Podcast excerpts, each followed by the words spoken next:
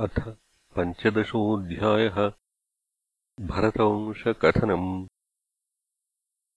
श्रीशुक उवाच भरतस्यात्मजः सुमतिर्नामाभिहितो यमुहवाव केचित्पाषण्डिन ऋषभपदवीमनोत्तमानम् चानार्याः। अवेदसमाम्नाताम् देवताम् स्वमनीषया पापीयस्या कलौ कल्पयिष्यन्ति तस्माद्वृद्धसेनायाम् देवतादिन्नामपुत्रोऽभवत् अथासुर्यान् तत्तनयो देवद्युम्नस्ततो धेनुमत्याम् सुतः परमेष्ठी तस्य सुवत्सलायाम् प्रतीह उपजातः। य आत्मविद्यामाख्याय स्वयम् संशुद्धो महापुरुषमनसस्मार प्रतीहात् सुवत्सलायाम् प्रतिहर्त्रादयस्त्रयः आसन्निज्याकोविदाः सूनवः प्रतिहर्तुः स्तुत्यामजभूमानावजनिषाताम् भूम्न ऋषिकुल्यायामुद्गेथस्ततः प्रस्तावो देवकुल्यायाम् प्रस्तावान्नियुत्सायाम्। हृदयजासीद्विभुः विभोरत्याम् च पृथुषेण तस्मान्नक्त आकूत्याञ्जज्ञे नक्तादृतिपुत्रो गयो। रादर्शिप्रौर उदारश्रवाजायत साक्षाद्भगवतो विष्णोर्जगद्रिरक्षिषया गृहीतसत्त्वस्य कलात्मवत्त्वादिलक्षणेन महापुरुषताम् प्राप्तः। स वै स्वधर्मेण प्रजापालनपोषण प्रीणनोपलालनानुशासनलक्षणेनाद्यादिना च। भगवति महापुरुषे परावरे ब्रह्मणि सर्वात्मनार्पितपरमार्थलक्षणेन ब्रह्मविचरणानुसेवया आपादितभगवद्भक्तियोगेन चाभीक्ष्णशः।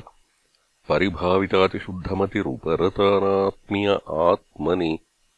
स्वयमुपलभ्यमानब्रह्मात्मानुभवोऽपि निरभिमान एवावनिमजूगुपत् तस्येमाम् गाथाम् पाण्डवेयपुराविदः उपगायन्ति। गयम् नृपः कः प्रतियाति कर्मभिः यद्वाभिमानी बहुविद्धर्मगोप्ता समागतश्रीः सदसस्पतिः सताम् सत्सेवकोऽन्यो भगवत्कलामृते यमभ्यषिञ्चन् परया मुदा सतीः सत्याशिषो दक्षकन्याः सरिद्भिः। यस्य प्रजानाम् दुदुहेधराशिषो निराशिषो गुणवत्सस्नुतोधाः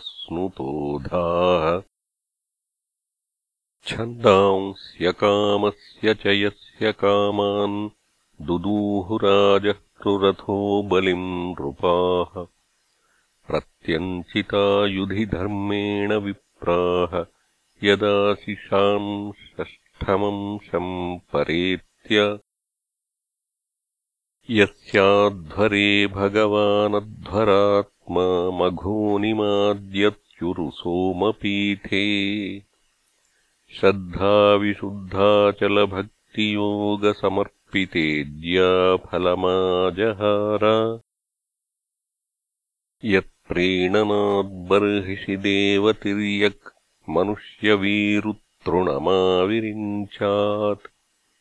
प्रीयेत सद्यः सः विश्वजीवः प्रीतः स्वयम् प्रीतिमगाद्गयस्य। गयाद्गयन्त्याम् चित्ररथः सुगतिरवरोधनः इति त्रयः पुत्रा बभूवुः चित्ररथादूर्णायाम् सम्राडजनिष्ठ तत उत्कलायाम् मरीचिः मरीचेर्बिन्दुमत्याम् बिन्दुमानुदपद्यत।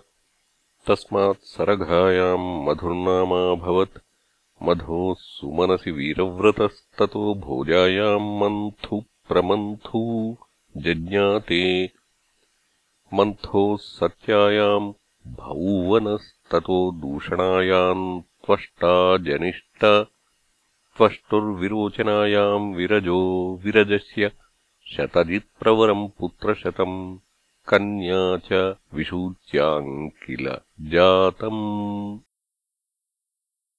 तत्रायम् श्लोकः प्रय्यव्रतम् वंशमिमम् विरजश्चरमोद्भवः अकरोदत्यलम् कीर्त्या विष्णुः सुरगणम् यथा। इति श्रीमद्भागवते महापुराणे पारमहंस्याम् संहितायाम् पञ्चमस्कन्धे पञ्चदशोऽध्यायः